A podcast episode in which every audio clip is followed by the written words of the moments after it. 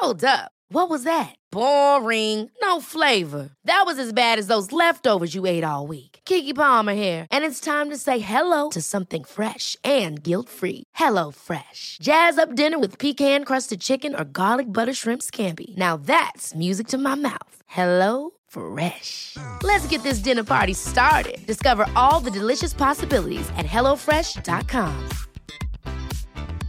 Hiring for your small business? If you're not looking for professionals on LinkedIn, you're looking in the wrong place. That's like looking for your car keys in a fish tank. LinkedIn helps you hire professionals you can't find anywhere else, even those who aren't actively searching for a new job but might be open to the perfect role. In a given month, over 70% of LinkedIn users don't even visit other leading job sites. So start looking in the right place. With LinkedIn, you can hire professionals like a professional. Post your free job on linkedin.com slash people today.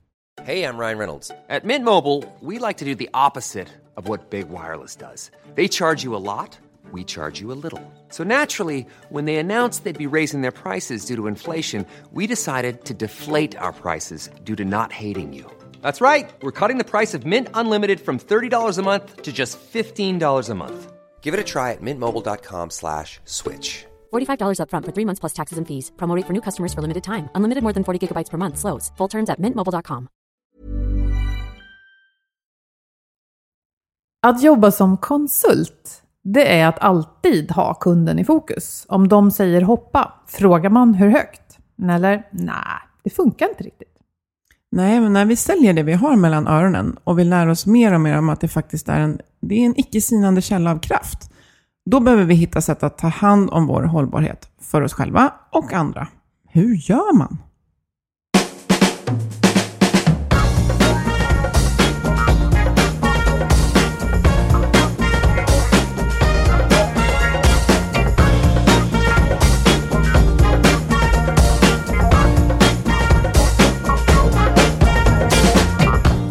Du lyssnar på Health for Wealth, en podd om hälsa på jobbet. Trots att vi får det bättre och bättre så är det många av oss som bara mår sämre. Så kan det ju inte fortsätta och därför tar vi reda på hur företag och organisationer kan bygga långsiktig hälsa och lönsamhet. Och börjar vi på jobbet, ja då sprider det sig ofta även till resten av livet. Vi är Ann-Sofie Forsmark. Jag driver företaget Formstark Resiliens. Och Boel Stier, copywriter. Lyssna på oss för nya insikter varje vecka för dig som är chef, ledare, jobbar med HR eller är medarbetare. Nu pratar vi om konsulters hållbarhet eller icke. Och eh, vi ska ta hjälp av Twitch Health för att eh, de pratar om medarbetare som inte är utslitna utan söndervilade, skriver de lite provokativt i ett blogginlägg. Ja, för det är inte återhämtning de pratar om i det här fallet. Det behöver vi ju. Eh, utan det faktum att vi svenskar rör på oss allt mindre. Andelen svenskar med låg kondition har nästan dubblerats på 20 år. Och det finns faktiskt många som inte ens klarar en rask promenad. Nej, och så sent som igår så var det på nyheterna om att just den som inte rör sig alls, det är ju den som får liksom mest marginalnytta av att börja röra på sig. Men vi behöver fundera på att göra de här trösklarna lite, lite mindre. Ja, och som Twitch skriver i det här blogginlägget så varken friskvårdsbidrag, sponsring av lopp eller andra slumpvisa insatser verkar funka särskilt bra. Däremot lyfter de några exempel på organisationer som har lyckats. Och några av dem är Södertälje kommun, där rörelse faktiskt är en arbetsuppgift, dock inte träning. Nej, och eh, Atea som jobbar med omtänksamt tjat, som de kallar det för. Det är jättekul och det är jättebra, omtänksamt tjat. Och där har Twitch Health varit med och eh, hjälpa dem engagera 93 procent av medarbetarna med Sverigestafetten. Ja, det är höga siffror. Du kan läsa mer på twitchhealth.se under bloggen och vi lägger en länk i inlägget som vanligt. Nu äntligen, välkommen Pernilla Ramslöv. Stort tack! Du driver ju Nox Consulting som du ska få berätta mer om. Och, eh, men jag kollade på er hemsida igår och då står det att det gör ni med mod, kraft, ansvar och massor utav kärlek. Och stämmer det att det är sedan 2010? 2010 så registrerade vi bolaget, men vi drog igång verksamheten 2011. Så ni skulle kunna skjuta på tioårsjubileumet till vad blir det, 2021 då med andra ord? Ja, men det kommer ja. det vara. Ja. Ja. Varför, jo, varför registrerade du NOx där 2010? Vad var det som behövdes? En annan typ av eh, aktör på konsultbranschen, i konsultbranschen. Eh, att hitta det här, det bästa av två världar. Så någonstans mellan det traditionella konsultbolaget och de mäklarna som mer bara förmedlar uppdrag. Och där hittar vi en unik kombination. Den här har ju gått väldigt, väldigt bra. Och eh, under året så har ju du också fått eh, ut utmärkelsen eh, näringslivets mäktigaste kvinnliga entreprenör av Veckans Affärer. Och det är ju såklart tätt sammanlänkat med det du har gjort på, på Nox. Vad är, det, vad är det ni har hittat? Vad är det ni gör? Ja, för det första så är det faktiskt absolut inte bara jag, utan det är ju ett fantastiskt team bakom som jag är en ödmjuk ledare för. Eh, men det vi har gjort är ju verkligen att att lyckas med att göra den här kombinationen. Så vi är ju för egenföretagarna det traditionella konsultbolaget är för sina konsulter. Det vill säga sälj, marknadsföring, kompetensutveckling, erfarenhetsutbyten, sociala sammanhang. Liksom allt det där som, som man behöver som egenföretagare. Ett sammanhang, en tillhörighet, kollegor. Det är vi för våra egenföretagare. Men samtidigt så har vi ju ingen eh, ja, men begränsad leveranskapacitet, utan vi har ju ett jättestort nätverk. Så vi har ju byggt Stockholms starkaste IT-community. Så det är verkligen en, en, riktigt unik, härlig kombination av två affärs eller mm. leverantörstyper kan man säga.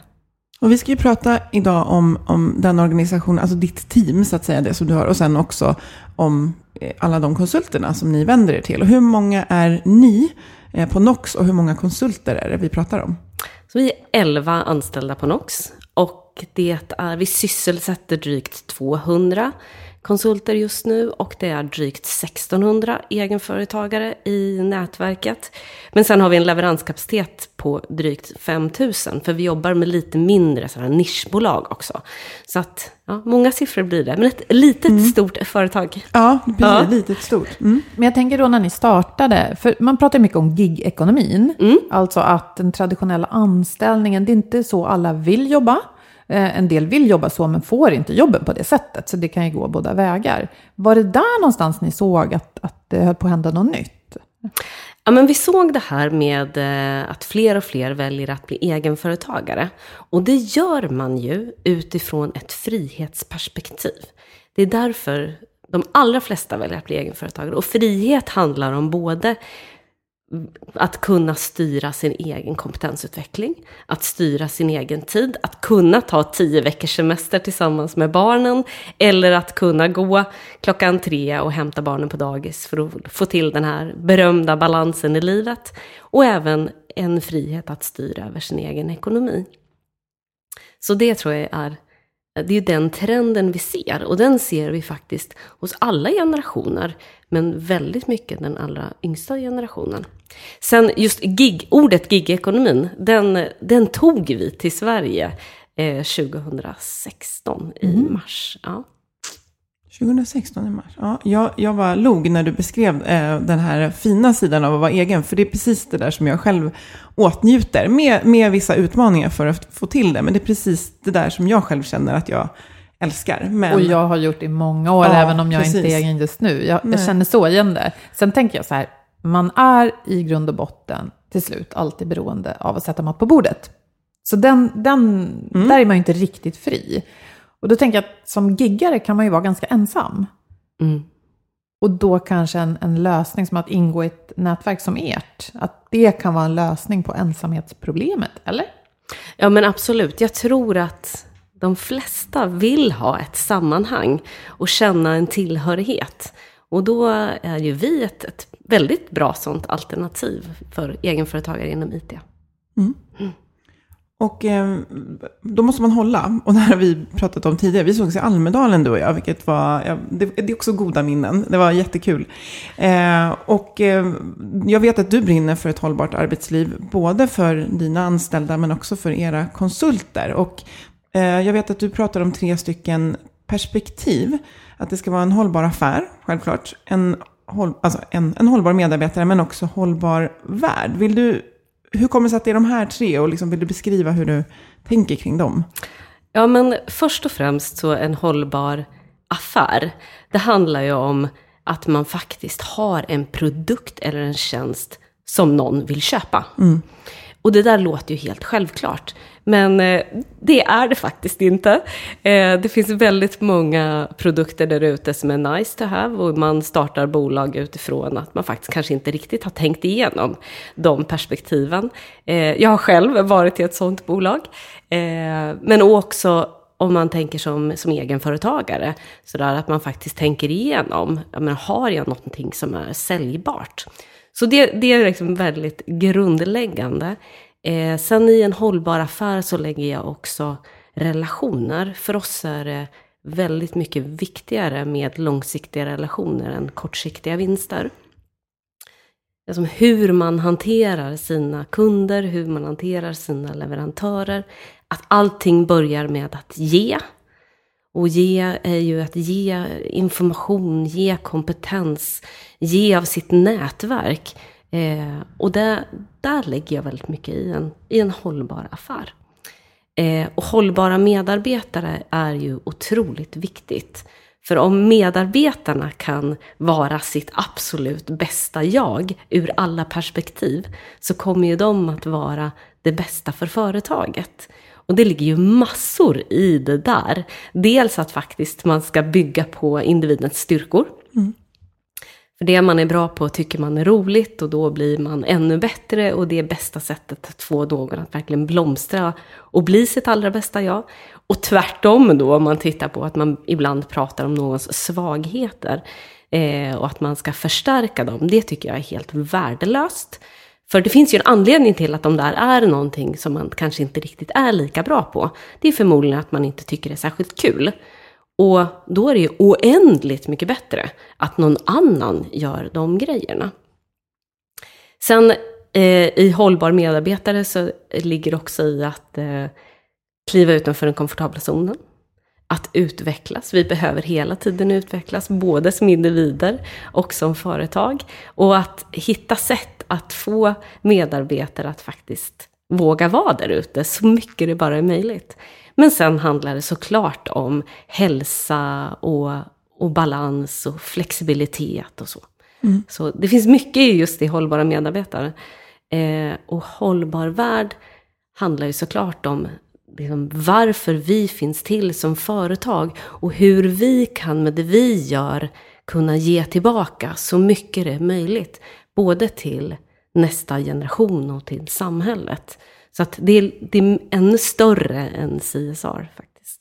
Mm, och där vet jag att ni gör mycket på NOx. Känner du att det är en, eh, ska man säga, en typ USP för de konsulter som väljer, sig att, väljer att ansluta sig till er? Att det är också det här samhällsfokuset eh, som ni har. Är det viktigt för era konsulter märker du, eller kommer det mer från er? Jag tror det är superviktigt för våra konsulter. Jag tror det är superviktigt för liksom alla i samhället idag, i alla fall de allra flesta. Eh, och det är ju ett, att få vara del av ett, ett större why.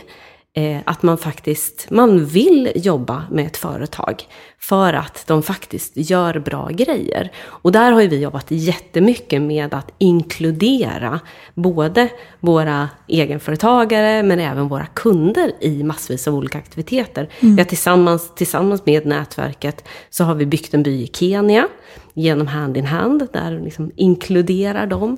Vi har skrivit en bok eh, som heter Fixa gigget, hur man lyckas i gigekonomin. Mm. Där då alla egenföretagare fick möjlighet att bidra med sina bästa tips om att vara egenföretagare. Och som vi sen då säljer till förmån för välgörenhet. Så att, mm. eh, och sen, men, i var, vi har CSR integrerat i vår affärsmodell där vi för varje konsult vi sätter i uppdrag så får den konsulten en voucher att stötta en student i Tanzania. Och det här, jag kan fortsätta hur mm. länge som helst om massor av olika aktiviteter vi gör, både för att involvera. Och vi tror att det, det är otroligt viktigt idag. För man väljer ju vilka varumärken man vill jobba med och vilka varumärken man vill köpa av. Mm. Jag tänker, kan det också innebära, tror du, att en av era konsulter tackar nej till ett uppdrag för att man anser att det sammanhanget inte bidrar med något gott? Helt övertygad. Eh, det är ju ganska många idag som vi möter som till exempel väljer bort gamblingindustrin, eh, så poker och den typen av. Eller man väljer bort att man inte vill jobba med, med alkohol eller tobak. Eller, ja. Så att eh, det, det, blir mer och mer värderingsstyrt. Och den generation vi ser som kommer in på arbetsmarknaden idag, om vi får kalla det för Greta Thunberg-generationen. Mm. Så de är ju enormt medvetna. Mm. Och då är det, eh, det kommer bli ännu mer viktigt för företag att att jobba med de här frågorna för att vara attraktiva, både liksom som arbetsgivare och uppdragsgivare. Då tänker jag att eh, IT, ofta går det bra om man håller på med IT, eller hur? Alltså kanske bättre än om, än om man håller på med teater. Och just idag kanske man kan ha råd eh, med det här. Men jag tänker om tiderna blir snålare så kan det vara mer lockande att tacka ja till uppdrag som egentligen gnisslar lite sådär med den egna kompassen. Men då tänker jag att den första punkten du sa, att se till att affären är hållbar. Mm. Det kanske kan vara en räddningsplanka då, för att om jag verkligen har någonting att sälja som världen behöver, då borde jag ha fler än en uppdragsgivare. Ja, helt rätt. Och hur, jag tänker det här med hållbar affär, är det någonting där ni erbjuder liksom coaching om man kommer in som ny konsult och känner att mm, mitt erbjudande här kanske jag skulle behöva vässa på lite. Coachar ni då eller är det så att ni erbjuder liksom tillfällen där man kan vidareutbilda sig Ja, men vi har speciella tillfällen då för alla som är nya, som tar steget in i gigekonomin och inte riktigt vet ja, men vart, vart man ska börja. Kanske inte ens vet vilken typ av bolag man ska ha. Eh, och då har vi speciella kvällar för dem, där de får hjälp med allt ifrån menar, hur de ska skriva sitt CV för att kunna men se så bra ut som möjligt och hur de ska tänka med sitt företagande. Men också det här som, som är viktigt, hur man i hållbarhetsperspektivet eh, med försäkringar och, och, sånt. Vad är trygghet idag? Vad är trygghet imorgon? Vad är trygghet om 25 år? Hur behöver jag tänka när jag inte har en arbetsgivare som tar hand om alla de där grejerna med sjukförsäkring och, mm. och pension och, och allt vad det innebär? Då måste vi hjälpa dem. Vi måste ta ett stort ansvar i gigekonomin så att faktiskt individerna har en trygghet eh, och det blir ju en påverkan även för samhället. Man pratar ibland om den här, ja men, nästa generations fattigpensionärer. Eh, men där tycker jag att vi har ett jättestort ansvar, vi som agerar inom det här, att faktiskt informera, utbilda och hjälpa människor. Så man är välkommen till er även om man inte, jag menar säg att man har några uppdrag men man försörjer sig inte riktigt helt och hållet. Är man ändå välkommen? Eller vad är tröskeln liksom? Nej, men tröskeln för oss är ju dels att vi faktiskt ska vara en person som agerar inom primärt IT då för oss. Eftersom det är där som vi verkar och det är där som vi har våra uppdrag. Eh, så, så det är väl den, den kanske första tröskeln så att säga. Eh, men sen kan man absolut gigga på, på deltid. Eh, det är ju många som väljer liksom, i olika skeden i livet hur mycket man väljer att gigga. Men det är oftast att man kommer och har redan kunder? Nej, de allra flesta kommer ju utan kunder. Eh, och vi eh, jobbar med drygt 100 olika kunder idag som vi levererar direkt till. Och det är ju att vi hjälper dem då att få få uppdrag. Så det är en, och det är lite som jag pratat om, det är nummer ett för egenföretagare, mm. faktiskt att man har ett uppdrag. Mm. Eh, för då har man en, en inkomst och då kan man försörja sig och mat på bordet. Så, så kan man tänka alla de där andra sakerna. Mm. Men jag tänker om man kopplar det till en, en hållbar konsult, så apropå det här med styrkor och svagheter, just att man, man behöver känna att det krävs en viss självkännedom och veta att mina styrkor är att det här tycker jag är jättekul, men jag kan ingenting om moms och jag tycker det är jättesvårt med försäkringar och att man förstår att man kan behöva ta hjälp med, med sina svagheter. Men jag tänker, de kan ju också handla om just det här att jag Eh, eh det, är oftast, man brinner oftast för det man gör. Och eh, finns det mycket att göra så är det, det är sällan det dyker upp en broms på vägen. Utan det går ofta att jobba på eh, ganska mycket. Och man kanske har kunder som efterfrågar mer och det är snäva deadlines och sådär. Eh, hur, hur tänker du att man som konsult kan jobba med, med den biten? Och hur jobbar ni? Just att ibland behöver jag ju faktiskt säga nej för att kunna säga ja imorgon. Och, och hålla som, som, eh, som konsult. Hur, hur jobbar ni med det? Ja, men vi har ganska mycket föreläsningar kring det där och pratar om det där aktivt. För det är ju så att man är inte hållbar i längden om man kör på. Sen kan man ju köra på i perioder om man sen hittar återhämtning och så. Men då handlar det ju om att man faktiskt ja, man ska ha en buffert för det där. Så att man inte, liksom, när det går bra i goda tider, att man använder upp alla pengar, utan att man faktiskt skapar buffert. Eh, och att man har metoder och verktyg för att hitta det där, både liksom mindfulness och, och återhämtningsperioder och så. Så där behöver ju vi också vara väldigt delaktiga i det där. För man är ju precis som du säger, man är ju sin egen produkt och om produkten inte är säljbar så får man inga pengar. Nej. Hur, hur tycker du att den insikten är generellt hos, hos, eh, hos konsulter idag? Om man tittar bakåt i tiden. Nu har ni varit liksom igång i tio år. Men hur, hur förstår man det här? Vissa förstår det och vissa förstår det inte. Eh, och vissa behöver hjälp att förstå det. Mm. Och vissa gör det ju, eh, som börjar med sitt giggande för att skapa den här balansen i livet. Så mm. det är väldigt olika. Mm. Men vi har, ett, vi har ett uppdrag och ett ansvar att hjälpa människor. Hur tänker du, jag tänker um, kunderna, börjar kunder också förstå det här? För jag tänker på det här med, eh, Eh, som vi började lite inledningsvis med, vi, vi, det är hjärnan som kommer, det är hjärnan som får uppdraget och vi börjar lära oss mer och mer om hjärnans både liksom kapacitet men också begränsningar. Och jag tänker att om jag eh, som uppdragsgivare tar in en konsult så vet jag ju också att det kommer inte bli bästa kvaliteten om den här personen jobbar för mycket med för många olika saker samtidigt. Märker du också att era, du sa ungefär 100 kunder som ni har, eh, bör den här medvetenheten öka hos dem också? Ja, men det tror jag generellt sett. Jag tror generellt i samhället att man pratar mer om de här frågorna. Eh, men det är ju såklart olika hur långt olika kunder har kommit. Men vi kan ju vara delaktiga i det där också. Att dels att man inte ska eh, sälja en konsult på uppdrag där man redan vet från början att ja, men här kommer man behöva jobba 150% för att få ihop det. Mm. Det är ju inte lämpligt. Och att man pratar om arbetstider, att man skapar avtal där man att det är 40 timmar i veckan och så vidare och så vidare. Det finns ju, och ibland kan det klart vara perioder i ett projekt där det behövs att man lägger några extra timmar. Men att man då också pratar med kunden att då måste det finnas tid för, att, för återhämtning efter en sån period. Så vi har ett jättestort ansvar att vara delaktiga och hjälpa våra konsulter. För det kan, precis som du säger Ann-Sofie, vara svårt att som konsult när man sitter där och, och, ja. och, och, då man vill vara till lag, så man vill att kunden ska älska en, att sätta, säga stopp. Då kan vi vara den som mm. gör det åt mm. konsulten. Ja. Mm. Okay, jag kan verkligen se det. Och just som kund, det behöver inte vara illa ment, utan man vill ju ha leverans. Och primärt har man inte tagit in konsulten med fokus på dess hållbarhet, utan fokus på leveransen. Men det blir så avgörande för att hålla över tid. Så. Ja, absolut. Och där att vi har, vi har ju kontinuerliga uppföljningar hela tiden med både kunder och konsulter. Att vi är delaktiga. Mm. Så att man pratar med konsulterna en gång i månaden. Så här, hur mår du? Mm. Ja. Mm. Men hur funkar det rent praktiskt? För att ni är 11 anställda. Och mm. så upp till, vad sa du, 5 000 personer som är knutna till er på ett eller annat sätt. Ja. Och de befinner sig på olika platser ute i landet? Primärt är det Stockholm. Vi har lite ute i landet också, men primärt Stockholm. Ja hänger ni mest digitalt eller liksom ses ni alla dessa, ja, hur funkar det?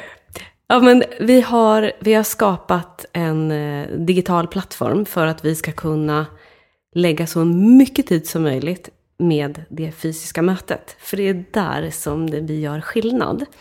Så allt som vi kan automatisera digitalt har vi gjort. Vi kan säkert bli ännu bättre på det.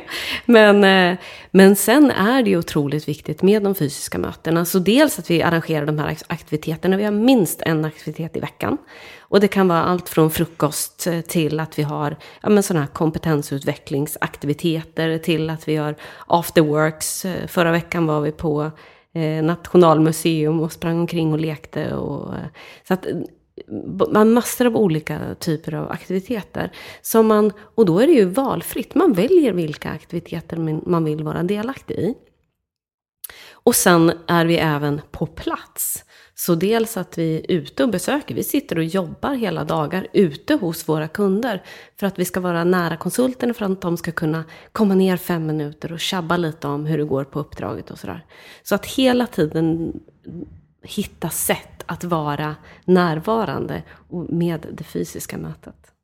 Mm, jag hör att det, det är genomgående fokus på att se, att fånga upp, att, att stötta eh, och försöka liksom putta ner allting som går att göra eh, digitalt, digitalt just för att frigöra till det här värdeskapande som ju handlar om att vi behöver se varandra och prata och, och fånga upp. Ja. Eh, du pratade också, eh, vi pratade kort innan om, om det här med att, att kompetensutveckla och i det så eh, pratade om att men, det kan vara att man lär sig någonting om machine learning eller AI till exempel. Men också att lära sig om hur jag ska driva min affär för att den är hållbar. Men som kom vi in på det här med liksom hälsa och alltså, ja, mer, mer liksom fysisk hälsa. Eh, hur gör du för dina elva? Eh, hur jobbar ni med det? Ja, men dels så har vi Eh, vi har självklart eh, friskvårdsbidrag där man får så, träna. Eh, man får träna när man vill eh, på arbetstid. Vi, eh, vi pratar väldigt mycket om våra värdeord. Det här med kraft, mod, ansvar och amore. Vad betyder det för oss? Vad betyder det för liksom, hur vi ska vara mot varandra? Hur vi ska vara mot våra kunder? Eh, vi jobbar väldigt mycket med den här friheten. Den tror jag skapar väldigt mycket mental hälsa. Och Hur har, gör man det? Hur jobbar man med frihet? Ja, vi har ju implementerat eh, fri arbetstid. Vi har, vi har ingen tidrapportering. Och med ingen tidrapportering så menar jag verkligen ingen tidrapportering. Vi har, ingen, vi har fri semester. Eh, vi betalar ut semesterersättning en gång per år, men vi räknar inte semesterdagar. Eh, det gör oftast att eh, medarbetarna tar mindre semester. Eh, så ibland får vi till och med beordra semester. Men den här friheten eh, är otroligt viktig, tror jag, för att man ska, för att man ska må bra. Men, då... Men och sen ja, har vi även så här hälsocoacher där vi pratar om mat och där vi pratar om sömn och där vi pratar om ja, rörelse och sådär. Eh, jag blir nyfiken. Ingen tidrapportering, det låter härligt. Mm. hur fångar du eller ni då upp om någon plötsligt jobbar för mycket? Ja, eftersom vi, vi är elva personer, vi är ganska nära varandra. Så det där, man märker ju det. Så fortfarande nu är vi en sån här, sån här relativt liten grupp, så, så pratar vi om det. Eh, och att man viktigt att man pratar om det och att jag som ledare eh, pratar om att jag kanske, nu tycker jag att det är lite för mycket, då vågar ju medarbetarna säga det. Så det här lead by example mm. är ju otroligt viktigt och att man faktiskt verkligen tänker på det som ledare och att man går hem eh, i, ja, men i, i rimlig tid så att, och att man tar ledigt på en vardag. Eh, det gör ju att, att medarbetarna också vågar göra det, att det blir accepterat. Mm. Så jag tror mycket det där ligger i liksom, en kultur, hur man agerar och hur man är som ledare. Och så sprider sig det. Mm. Och i konsultuppdragen, säljer ni liksom ett resultat då, eller säljer ni timmar där? Och, de, och det beror ju faktiskt på att de flesta kunder fortfarande lever i timvärlden. Eh, så att det är väldigt svårt att sälja resultat. Så det är jag ska säga, 99 procent är timmar. Och kan vi inte ändra det? Ja, ja det vore väl underbart. Eh, och även ändra på att man faktiskt kan jobba på andra ställen än på det där kontoret. Ja, just det. För det, det är fortfarande också så att man, de allra flesta kunder vill att konsulten ska vara på plats. Även om man faktiskt kanske ibland presterar bättre på en skärgårdsö.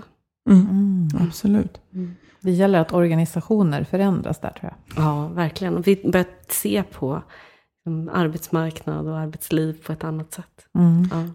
Jag tänker att jag kommer tillbaka till det här att det, för att det här ska funka, det här som du beskriver, det handlar ju jättemycket om tillit. Det handlar jättemycket om kontinuerlig dialog, att se varandra och att det är faktiskt kulturen som bär det här snarare än någon policy. Eh, som är så här policy, tre timmar på skärgårdsö. Alltså det, det är inte så, utan det Och jag tänker att det låter som att ni är bara elva stycken, men den kulturen som ni har skapat på Nox, den präglar också era konsulter. Och det låter också som att eh, ni jobbar med bra kunder, för jag tänker det blir en utmaning också, att ni kan ha en stört skön kultur, men kommer man ut på ett uppdrag där du säger det är verkligen stämpelklocka och man ska sitta här och man är inhyrd konsult så man sitter i det minsta rummet utan fönster. Jag har varit revisor så jag vet, jag var ute på uppdrag ibland. Eh, att det, det, handlar väldigt mycket om eh, att, att den kulturen finns på, hos era kunder också. Eh, håller du med om det? Eller hur? Ja, men absolut. Och där får man ju säga att med anledning av att det har gått ganska bra för oss, ja. så har vi förmånen att välja och välja bort kunder som vi inte tycker står för våra värderingar. Mm. Det är jätte, jätteintressant. För det är nog många som skulle vilja säga att så gör man. Men som sagt, det går väldigt bra för er. Så ni kan göra det. Och ni attraherar förmodligen också eh, som, som bolag. Alltså eh, kunder som, som förstår vad The Nox Way liksom står för. Ja, och det är ju en del i, i vårt värord mod. Ja. Att våga välja bort. Mm. Mm. Mm. Jag tänker att det är också smart att passa på att göra det i goda tider. För då kanske man har hunnit påverka även kunderna. Sen när dåliga tider kommer och då kanske de efterfrågar något annat. Ja, men och vi behöver ju också vara med och vara delaktiga i att påverka kunderna. Att faktiskt, där, hur är de attraktiva arbetsgivare, uppdragsgivare? Hur får de, de bäst tillgång till de bästa konsulterna? Och där kan ju vi också vara med och göra skillnad. Så att... Mm, mm, verkligen, vi som ett mikrosamhälle med, med, goda med godhet. Ja. ja. med godhet. Ja. Jag är nyfiken på just det här att bygga en kultur. Det måste ju trots allt vara lättare om man är ett gäng som alla sitter i samma byggnad och ses ofta. Och nu, nu har du förklarat att ni försöker att träffas ändå mm. eh, med de förutsättningar ni har. Men liksom, hur ser du på utmaningarna att bygga en kultur i en sån här liksom, utspridd och delvis digital organisation? Och vad är framgångsfaktorerna för att lyckas? Ja, men det handlar mycket om, tror jag, hur man kommunicerar. Eh, att det är, det är med värme och kärlek och med fokus på individen. Eh, det handlar om vad vi gör. Så det här, ja, men om man utifrån våra så här, med hållbar värld, så blir det ju väldigt mycket i de aktiviteter vi gör. Att vi gör en, vi gör en green day eh, två gånger per år, där dels vi har föreläsningar om hur man kan vara med och bidra till en mer hållbar värld, men där också alla, vi som är i IT-branschen, får samla in allt sitt gammalt IT-skräp i termer av tangentbord och telefoner och grejer. Och sen så eh, kan, lämnar vi det till eh, där man kan antingen återvinna eller återanvända eller så. Och de pengar som man får in av det eh, ja, men, går till något projekt. Senast var det att rädda Östersjön.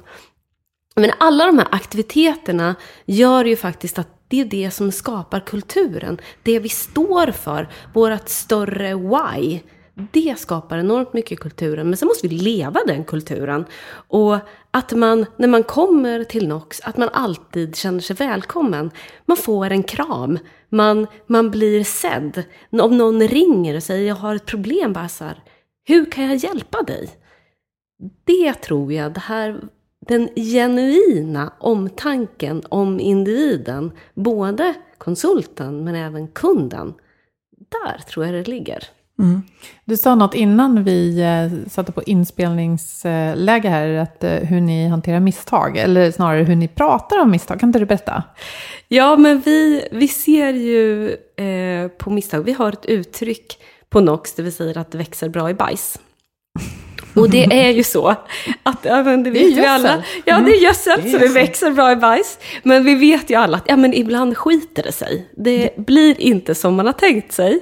Eh, men då om man ser på det som att man vet att ja, men en konflikt eller ett problem hanterat rätt kan man vända till någonting mm. positivt.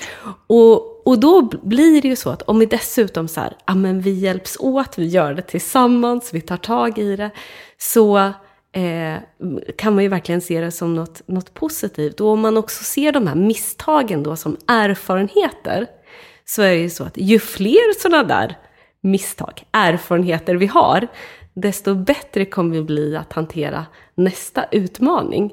Så det är lite så här, bara, kom jajamensan, en Mm. riktigt härlig bajsmacka. Men Eh, det, det, jag tänker just det här språket och de bilder det väcker, det är väldigt starkt. Det, det, det är så hjärnan funkar, hjärnan vill se bilder. Ja. Och så skrattar vi, Ja. för att det, det bryter så mot business-snacket liksom. Jag tänker att det, det måste vara rätt effektivt, för att vi sänker ju garden när vi skrattar. Och så kanske blir det väldigt mycket lättare att dela med sig av det som inte gick så bra. Ja, och där är det också återigen att man också som ledare faktiskt delar med sig av sina bajsmackor. Mm. Eh, för då blir det ju mycket enklare. Och man, ja, Mm. Det spelar rätt in i, i det, eh, vårt förra avsnitt där vi just pratade om det. Det är så viktigt med, jag, jag gillar inte uttrycket tone from the top, men alltså har man en, en framträdande roll i, ett företag så blir det man gör, det blir en större sten som plumsar i vattnet, det blir mer ringar och det sätter tonen. Och jag gillar också att ha eh, ett uttryck för det. Istället för så här, nu ska jag berätta om ett misslyckande. Här har ni så här, här kommer en bajsmacka som vi liksom ska reda ut. Det, ja. Ja, eller gödsel då, om man Ja, känner att gödsel. eh, sammanhanget eh, inte tillåter en viss typ av ord. Ja, men det är roligt. Hur, det har ju varit en, eh, det är en fantastisk resa från när ni, när ni startade. Hur, eh, vad är nycklarna för dig att vara hållbar i ditt liksom, ledarskap och företagande? Eh, ja, men för mig är det viktigt med sömn och det är viktigt med träning. Eh, men det är också viktigt med, eh, med teamet. Att vi faktiskt eh, ja, men ger varandra kärlek varje, varje dag. Det, det ger så enormt mycket energi. Vad gör ni då? Hur, eh, det är inte bara kramar gissar jag, utan det är annat också. Ja, men att man, eh, och där när vi pratar om kärleksfullt ledarskap, att man liksom förstärker och man liksom uppmuntrar alla positiva både egenskaper och handlingar. Jag tror ju att det är det som gör att vi, vi faktiskt växer och blir ännu bättre. Att vi verkligen ser till att göra varandra till sitt allra bästa jag. Och det där är vi superduktiga på. Vi verkligen eh, ger varandra positiv feedback hela dagarna. Hjälpa varandra bli sitt bästa jag, jag gillar det. Det, det kan man ta sig en funderare över. Att hur, hur gör jag det idag på jobbet med mina kollegor? Så här, när jag, för jag har ju lätt ofta att se vad som är bra med dem. Men hur skulle jag kunna liksom hjälpa det? Och så får jag det tillbaka. Det, det, blir, bra. det blir bra grejer på jobbet. Jag tänker att då måste ni antagligen förmedla det sättet att vara till alla eh, giggare där ute. För jag tänker att ni och elva räcker ju inte till att prata med alla. 5000 kanske inte är liksom in action varje dag. Men att, så att man gör likadant, att det blir en kedja. Ja, men absolut. Att vi förstärker och bekräftar konsulterna och deras positiva egenskaper och hjälper dem att fokusera på det som de är bra på. Eh, så, så växer ju de också. Ja, men det är så, det är som du säger. Det blir liksom som en kedja, det blir som en, som en stor tribe. Mm. Jag tänker på vägen till det här framgångsrika läget nu och du fick den här utmärkelsen i våras. Är det något du vill dela med dig av som något hack på vägen? Något som inte har gått som beräknat och hur ni hanterade det? Ja, det, det är klart det finns massor av saker som inte går som, som man beräknar. Men eh, dels så tycker jag det är viktigt att man har den liksom, kulturen och den inställningen att man måste testa. Eh, för att om vi inte utvecklas så går vi per automatik bakåt för omvärlden förändras. Eh, och att man, att man ger sig själv och, och liksom organisationen möjlighet att faktiskt ja, men testa nya grejer. Men man gör det i liten skala. Och, um, och då blir det ju också en, en, en innovationskultur i bolaget som också får bolaget, både, både bolaget och individerna att växa. Så vi har en extrem görtkultur. Men vi gjorde ju en ett liten utsvävning till, till London. Som faktiskt gick käpprätt åt helvete. Eh, Sen lärde vi oss jättemycket, det var en riktig, ja, om man nu var en riktig bajsmacka. Men, eh, men vi lärde oss ju fantastiskt mycket på, på vägen. Så vi höll på där i, i London i två år. Eh, innan vi bestämde oss för att lägga ner. Mm. Ja. Var det, var det kulturskillnader eller Ja, arbets... enorma Jag skulle gissa det, Ja. så jag satt och småfnissade lite. Ja, men var det herre- kulturen? Ja, mm. ja, men herregud, det är ju nästan alltid kulturen. Och det tycker jag är också sådär när man tittar på varför folk slutar på bolag. Så är det ju, man tar ett jobb på grund av liksom en titel och en lön och en arbetsbeskrivning. Och så slutar man på ett jobb på grund av kultur och ledarskap. Ja. Ja. Så att, men det var ju total krasch i våran kultur eh, kontra den brittiska kulturen. Och jag hade liksom inte ens tänkt på det. Jag är ju lite sådär att jag kör på lite. Eh, Det måste man nog vara om man ska komma dit, där ni har varit. Men då blir det också ibland att hoppsan, ja, ja, den här vägen, den, den sätter vi ett kryss och så kör vi. ja, Ja. och så får man byta väg. Ja, Ja. ja. Spännande. Tack så jättemycket för att du kom hit och delade med dig om hur ni gör. Och jag tror att det finns mycket att ta till sig. eh, Även om man inte jobbar med IT, definitivt. Och även om man inte giggar. Nej, precis. Men jag tycker det är bra med lite tips även till de som är liksom enstaka företagare som, som du, Ann-Sofie. För vi pratar ju ofta utifrån så traditionellt, eh, ja, du är anställd någonstans, jobbar på kontor. Så det kanske vi ska prata mer om. Mm, hur det är att vara egen. Vi får höra. Om våra lyssnare vill det så får ni gärna önska ämnen och gäster. Och eh, vi vill tacka Pernilla för att du kom hit. Och så Twitch Health, vår samarbetspartner. Just det, och Agda Media för den här produktionen. Dela gärna våra avsnitt i sociala medier. Ni vet var vi finns. LinkedIn, Facebook och healthforwealth.se. Ta hand om varandra. Hej då! Hej då!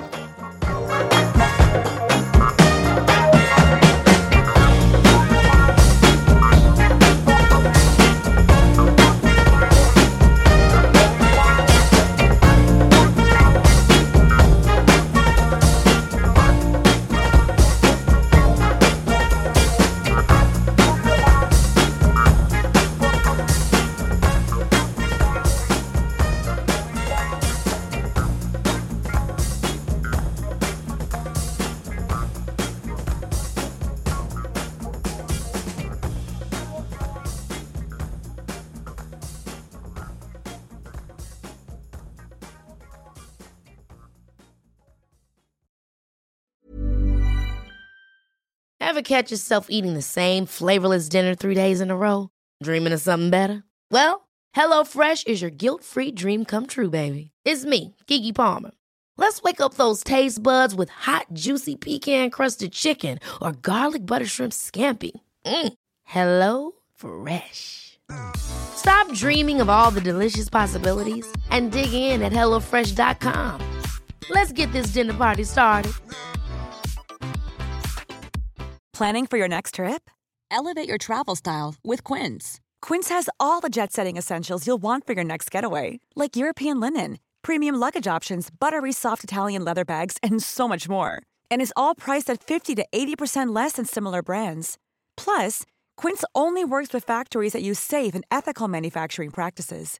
Pack your bags with high-quality essentials you'll be wearing for vacations to come with Quince. Go to quince.com slash pack for free shipping and 365-day returns. Mom deserves the best, and there's no better place to shop for Mother's Day than Whole Foods Market. They're your destination for unbeatable savings, from premium gifts to show-stopping flowers and irresistible desserts. Start by saving 33% with Prime on all body care and candles. Then get a 15-stem bunch of tulips for just $9.99 each with Prime. Round out Mom's menu with festive rosé, irresistible berry chantilly cake, and more special treats. Come celebrate Mother's Day at Whole Foods Market.